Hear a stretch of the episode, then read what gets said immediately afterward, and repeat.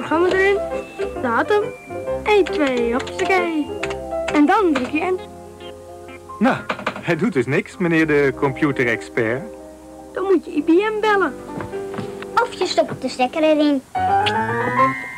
Welkom, leuk dat je weer luistert naar een nieuwe opname van onze podcast Of je stopt de stekker erin. Mijn naam is Karel van der Woude Mijn naam is Tony Bastiaans. en bij ons aan tafel zit opnieuw Joost Vos. Joost.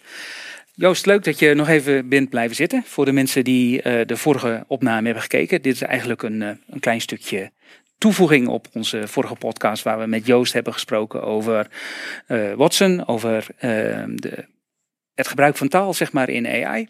En eh, wij bleven met Joost nog heel even aan tafel zitten. En hij liet ons wat zien over het ontstaan van het hele stuk. Ja, normaal zouden we dat toevoegen als show notes, maar dit doen we even als een gesproken toevoeging van show notes. Ik denk dat het goed past bij eh, het, het onderwerp over language. Eh, we praten er even doorheen.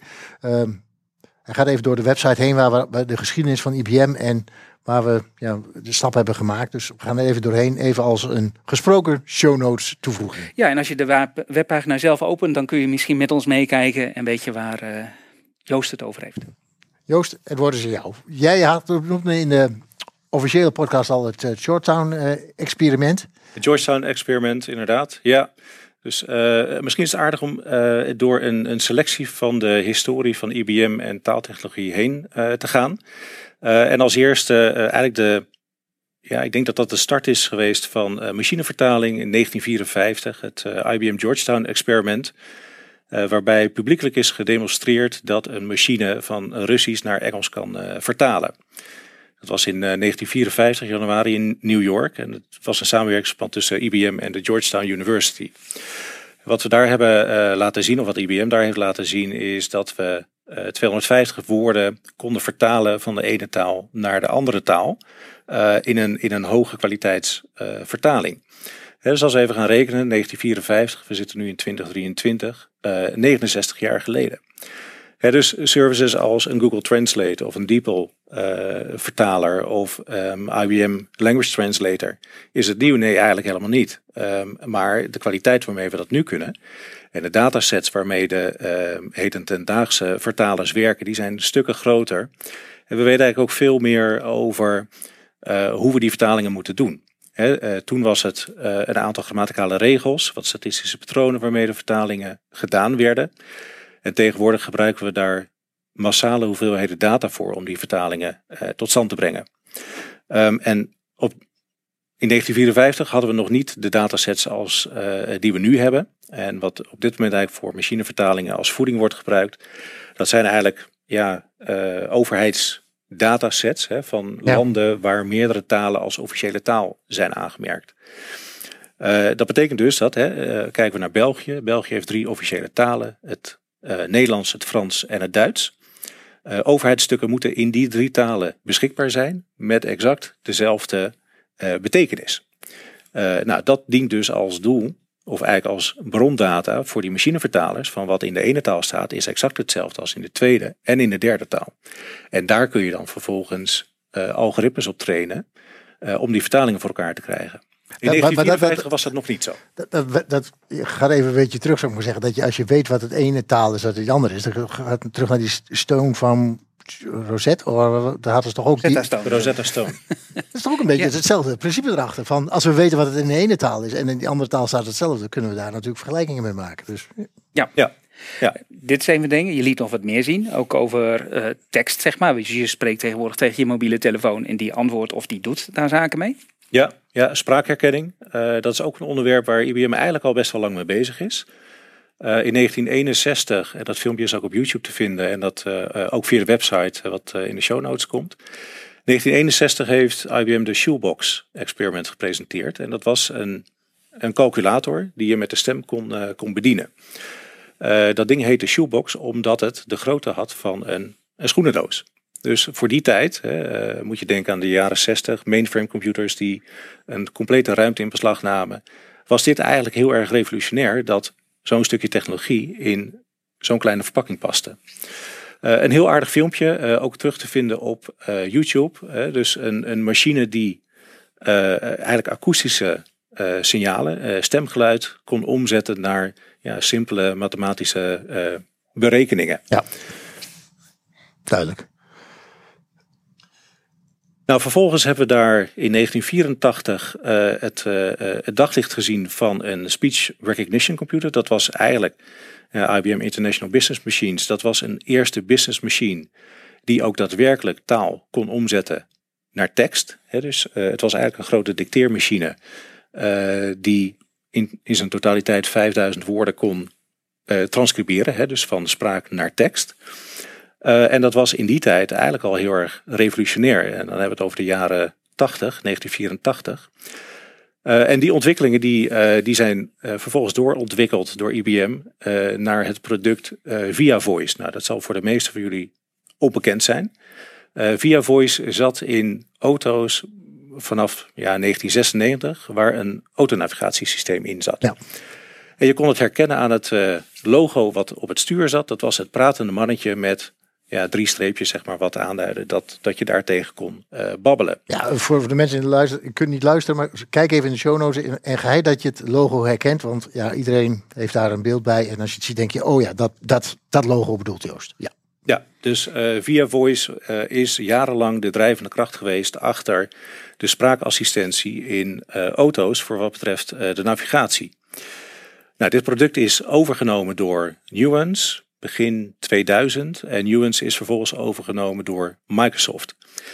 Eh, dus eh, daar is een hele evolutie aan eh, ten grondslag aan, aan voice technologie. Hè, dus producten als een Alexa, een Google Assistant, ja, die zijn niet echt uit de lucht komen vallen. Maar daar zit dus eigenlijk al enkele tientallen jaren aan ontwikkeling is eraan vooraf gegaan. Het is alleen de vorm en de verpakking eh, die eigenlijk heel anders is geworden. En de manieren van communicatie. Hè? Dus dat je gebruik maakt van, van API's om een stukje tekst, opgenomen tekst, naar een service eh, te sturen en vervolgens eh, informatie terug te krijgen. Ja, dat zijn echt weer de nieuwste ontwikkelingen doordat we nu de beschikking hebben over hoge internetsnelheden, hoge snelheidslijnen. We hebben de rekenkracht waarmee we dit soort dingen kunnen doen. En dat is denk ik de, ja, de drijvende factor geweest achter eh, producten zoals een Google Assistant. Ja, en zijn er nog andere dingen die jij eh, goed zijn om nog even te benoemen?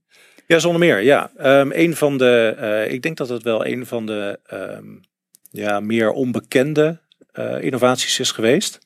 Eh, dat is eh BLEU, Bilingual Evaluation Understudy.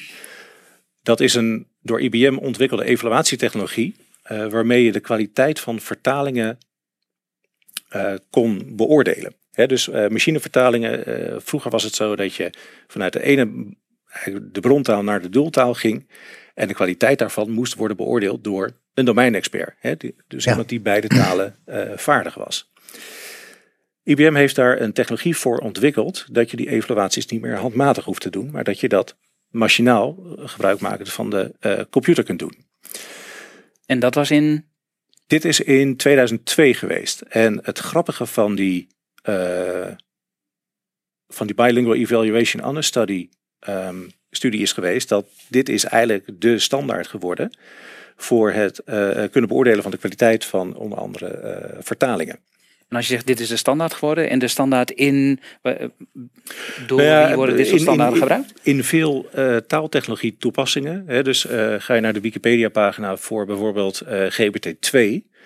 eh, dan zie je dus ook dat daar een, een, een, een bleu-score aan, aan hangt.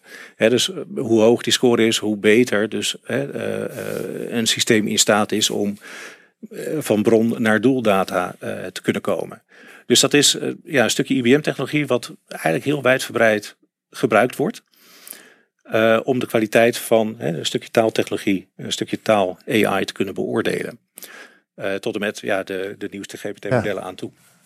Ja, dat, Dit is, echt ik bedoel, dan te zitten wij toch met IBM weer in veel meer plekken dan dat wij met z'n allen weten. En, en eigenlijk, als ik het zo hoor, zijn wij de, de voorvaderen van heel veel van dit soort technologieën. Eh, misschien niet verder doorontwikkeld of, of wel zelf op doorontwikkeld, maar dat we dat niet weten en anderen daar natuurlijk heel veel eh, op doorontwikkeld hebben en, en daar ook stappen in hebben gemaakt. Ja, zeker. Ja. Ja, ja. Nou, en dat grappige is eigenlijk ook wel, en dat, dat is veelal ook onbekend. Maar vanuit IBM en ook vanuit uh, andere AI-ontwikkelaars, um, een idee begint vaak met een spelletje. Dus uh, in de vorige uitzending is ook wel Jeopardy aan, ja. aan de orde gekomen. Um, Project Debater, dus de, de generatieve AI. Hoe kun je nou op basis van een antwoord een, ja, een goed klinkend antwoord geven. Dus niet alleen SEC, de minister van Volksgezondheid is dat, maar dat je daar een verhaaltje omheen creëert. Dat vindt zijn oorsprong in Project Debater. en vaak er zit een spelelement in. Deep Blue, 1997, de schaakcomputer van IBM. Um, ehm, en dat is, dat is denk ik wel een rode draad door alle innovaties die je ziet op het gebied van, van AI, taaltechnologie. Dat het vaak begint met een spelletje. Ja, dan begint het met een spelletje of is dat de manier om het aan het, het grote publiek te laten zien? Zou bijna ja, dat is zeggen van dat is eigenlijk dat is ja, vraag. Dan krijg je het kip in een ei verhaal. Ja, het, het, is heel makkelijk om te zien van hé, hey, wat kunnen we ermee? Nou, hoe makkelijker is dat dan van we spelen een spelletje van de meeste mensen begrijpen het. Ja. Fenomeen spelletje beter dan we zetten een raket op de maan, wijze spreken, en we gebruiken hier AI voor. Precies. Dan zegt iemand dat had ook op de achterkant van een viltje van, of een bierviltje kunnen. Ja. ja. ja. Maar ja, bijzonder interessant uh, om eens te kijken van hé, waar komt er niet vandaan? Geweldig. Um, ik denk, Joost, dankjewel voor deze gesproken uh, keynotes. Ik denk dat het heel erg goed past in het, in het onderwerp en uh, erg even duidelijk om er doorheen te lopen. Uh, mensen kijken echt even naar die, die website. Er zijn echt heel veel leuke dingen op over ja, hoe de historie en, en geeft je ook de mogelijkheid om dingen echt in, in context te, te te zien. Ja. En, ja, ja het thema van de website was eigenlijk text to anything. Hè? Dus uh, tegenwoordig met uh, uh, ChatGPT is het de sport dat je vanuit een prompt, hè, een, een, prompt kan een stukje tekst zijn, ja. dat je daar of een stukje tekst van maakt of een kunstwerk. Hè. DALI is, is heel bekend dat je Hele van een, een, een tekstprompt, hè, bijvoorbeeld ik wil graag een 17e eeuws Vermeer kunstwerk hebben met een bibliotheek en een computer. Nou, dan krijg je dat ook voor je neus.